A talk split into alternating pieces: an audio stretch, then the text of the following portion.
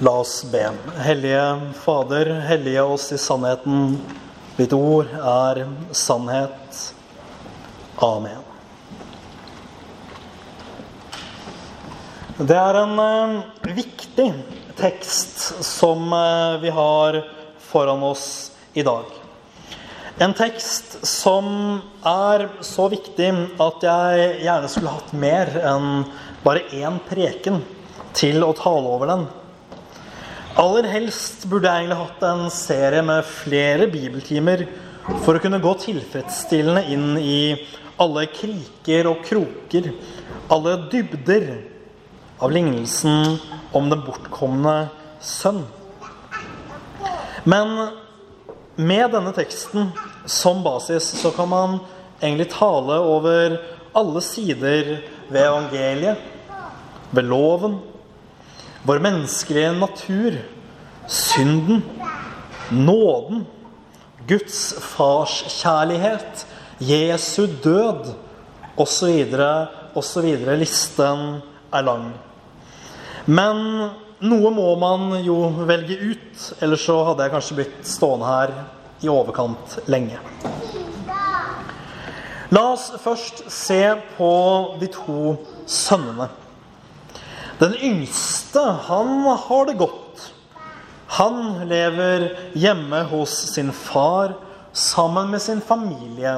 Og han mangler, så vidt vi vet, ingenting. Her har han mat. Her har han tak over hodet, og her har han farens omsorg. Men likevel velger han å reise bort Uten forklaring eller grunn får han den delen av arven som hører til ham. Han selger det, reiser bort og sløser bort alt. Før han rett og slett går på en god, gammeldags smell. Når han da går i seg selv, eller kommer til seg selv, avhengig av hvilken oversettelse du leser, etter en tid i grisebingen og i gjørmen, så minnes han vel at faren er en god mann. Og kanskje, kanskje, bare kanskje, til tross for at han dro sin vei og sløste bort alle pengene sine på skammeligste vis, så ville han hå kunne håpe å få gå i tjeneste hos faren. Kanskje. Han reiser så tilbake, og han blir godt tatt imot av faren sin. Han trenger ikke engang å gå i tjeneste, men han blir tatt rett inn i varmen igjen som en sønn. Mer om dette litt snart. Men broren hans, den eldste sønnen, heller enn å bli glad over å få broren sin igjen, han irriterer seg over at denne livsnyteren ønskes så varmt velkommen.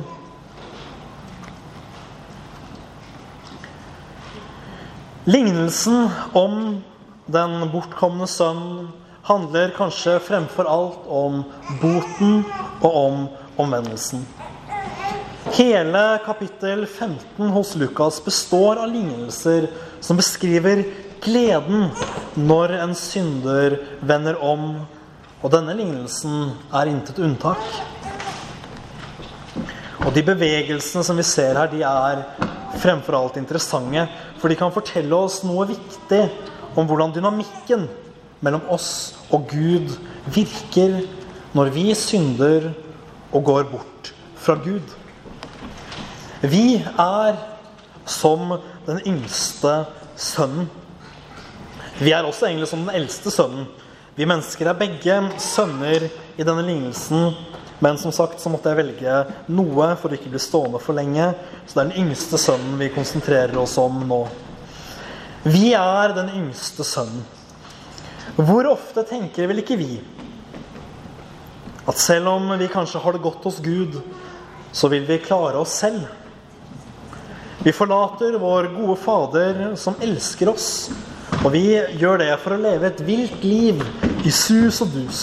Og vi sløser penger og lever etter våre egne lyster, akkurat som vi selv vil. i et land som åndelig sett er langt borte fra Gud. Og hvordan denne lignelsen beskriver synden, det syns jeg er slående. Den yngste sønnen han blir ikke jaget ut av faren fordi han har gjort noe galt.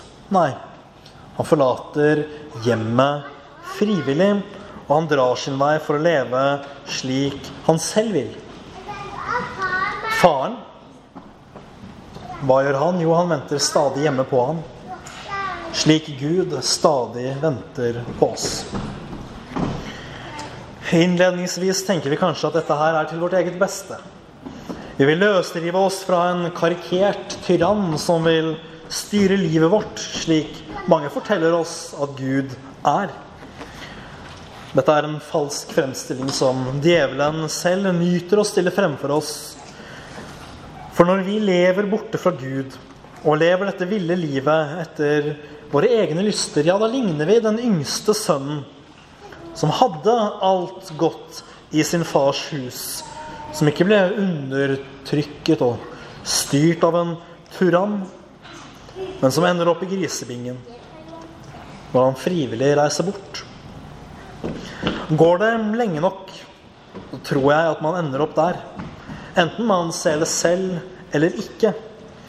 Noen ganger så kommer vi til oss selv, andre ganger trenger vi at noen tar oss i nakken, løfter oss opp og setter oss tilbake på den rette vei.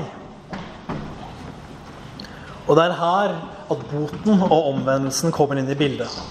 For det er ikke godt å leve uten Gud. Det er ikke godt for oss. Er som må leve i motstand med selve vårt vesen og vår natur. Det er ikke alltid vi skjønner det selv, men titt og ofte røskes Men vi må titt og ofte røskes opp av grisebingen for å kunne begi oss på veien hjem igjen. Vi må vende om og gjøre bot.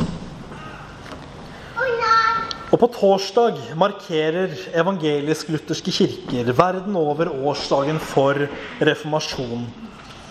For Luther så var boten et sentralt tema og selve kjernen i det kristne liv. Og Det er nødvendig at man forstår hva dette er for noe. Og I våre bekjennelser står dåpen og boten i en nær sammenheng.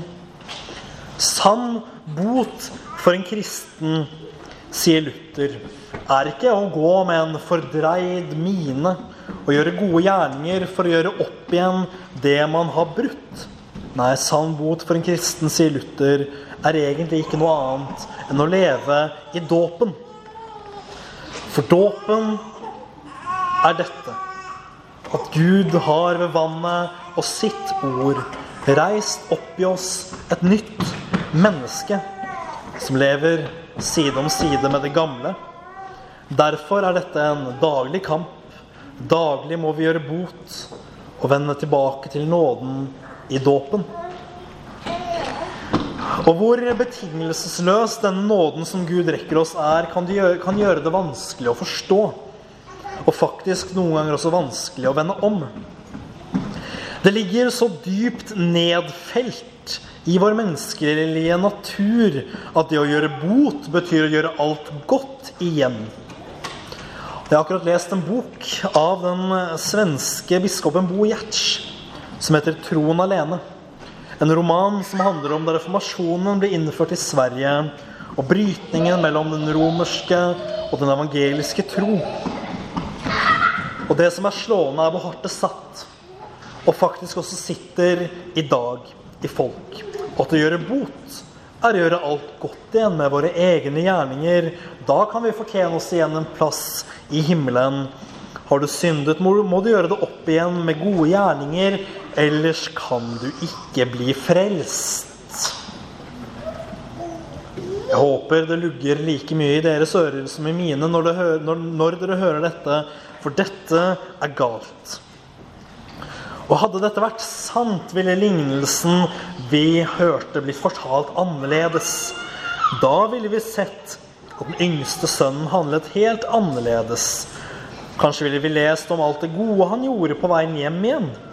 Kan hende at han drøyet med å komme hjem, for på veien arbeidet og strevde han for å tjene tilbake de pengene han hadde sløst. Vi skal ikke se bort ifra at han hadde gitt noe til de fattige. Men fremfor alt hadde poenget vært at han måtte gjøre bot med sine gjerninger. En annen mulighet er like stor. Han ville droppet hjemreisen helt. I sin fortvilelse ville han tenkt at faren er vel en hard mann som ikke ville la ham komme hjem uten at han gjorde opp for seg fullstendig. Konfrontert med sitt eget sløseri av en enorm sum penger og sitt ville liv ville han gitt opp. Grisebingen var eneste alternativ. Veien hjem var stengt. Hva er dette for evangelium? Det er hardt og nådeløst. Og Gud være takk, det er ikke det evangeliet vi har i Hans ord, gitt gjennom sin sønn Jesus Kristus. Det vi forkynner, det evangelium vi har å trøste oss til, det er noe annet. Det er det evangelium vi ser i lignelsen.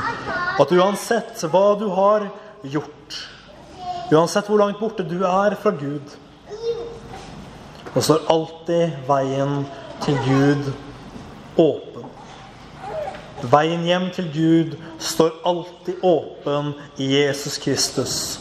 Du må vende om og innse at du er en synder som har all skyld. For hvis du ikke gjør det, ser du ikke selv at du er i grisebingen. Heller enn der du skulle vært, i din fars hus. Det er jo det dette handler om, å komme hjem til Faderens hus. Når vi gjør bot, så har vi også troen. For troen er den som driver oss til å gjøre bot. Når vi ligger der i gjørmen, og det eneste vi gjør, er å lengte hjem, da forteller troen oss at det finnes et hjem der vi fremdeles er velkomne. Den yngste, skjøn, den yngste sønnen skjønte dette. Når ting hadde gått for langt, så bega han seg på veien hjem. For han visste at han ville bli tatt imot, om enn bare som en tjener. Dette er troen, og dette er den veien også vi må gå. Troen er den som tilskynder oss å begynne på denne veien hjem igjen. Fordi vi vet, og vi har hørt, at vår himmelske Fader vil ta oss imot. Og hvordan kan vi vite dette? Jo, fordi Gud selv har lovet oss det i sitt ord. Vi har disse herlige løfter knyttet til troen på Jesus. At Gud vil forlate oss alle våre synder. Og ikke nok med det. For heller ikke vi settes nederst på rangstigen av Herren og får kun være tjenere. Gud sletter ut alle våre synder. Han fjerner dem fullstendig. Og som den yngste sønnen som med den yngste sønnen gleder Gud seg så stort over oss når vi vender hjem igjen, at han igjen lar oss kalles hans barn. Og dette gjør Gud hver dag. Hver time vi vender om og tror på Jesus Kristus. Fordi for, for vi som feilbarlige mennesker vil falle ofte. Noen ganger daglig. Kanskje er vi ikke kommet innenfor porten hjemme igjen før vi tenker at nå vil jeg ut på eventyr igjen. Det var vel ikke så ille i grisebingen. Men hver gang vi da angrer oss og vender om, står Gud klar med sine faderarmer. Vi skulle aldri glemme boten og omvendelsen.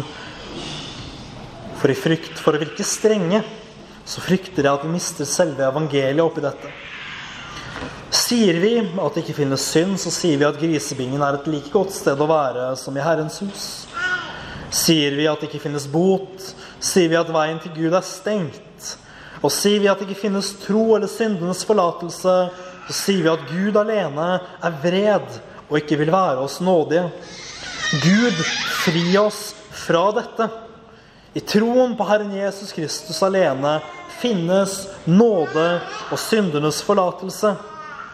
Vi må aldri og kan aldri avvike fra dette. For her slås støtten under all menneskegjerning. Vi har én ting å gjøre. det som ikke, egentlig ikke er en menneskegjerning, men en Guds gjerning. Og det er å tro på den Herre Jesus Kristus, som døde for oss, ga sitt liv for oss og sto opp for oss. Ære være Faderen og Sønnen og Den hellige ånd, som var, er og blir en sann Gud fra evighet og til evighet. Amen.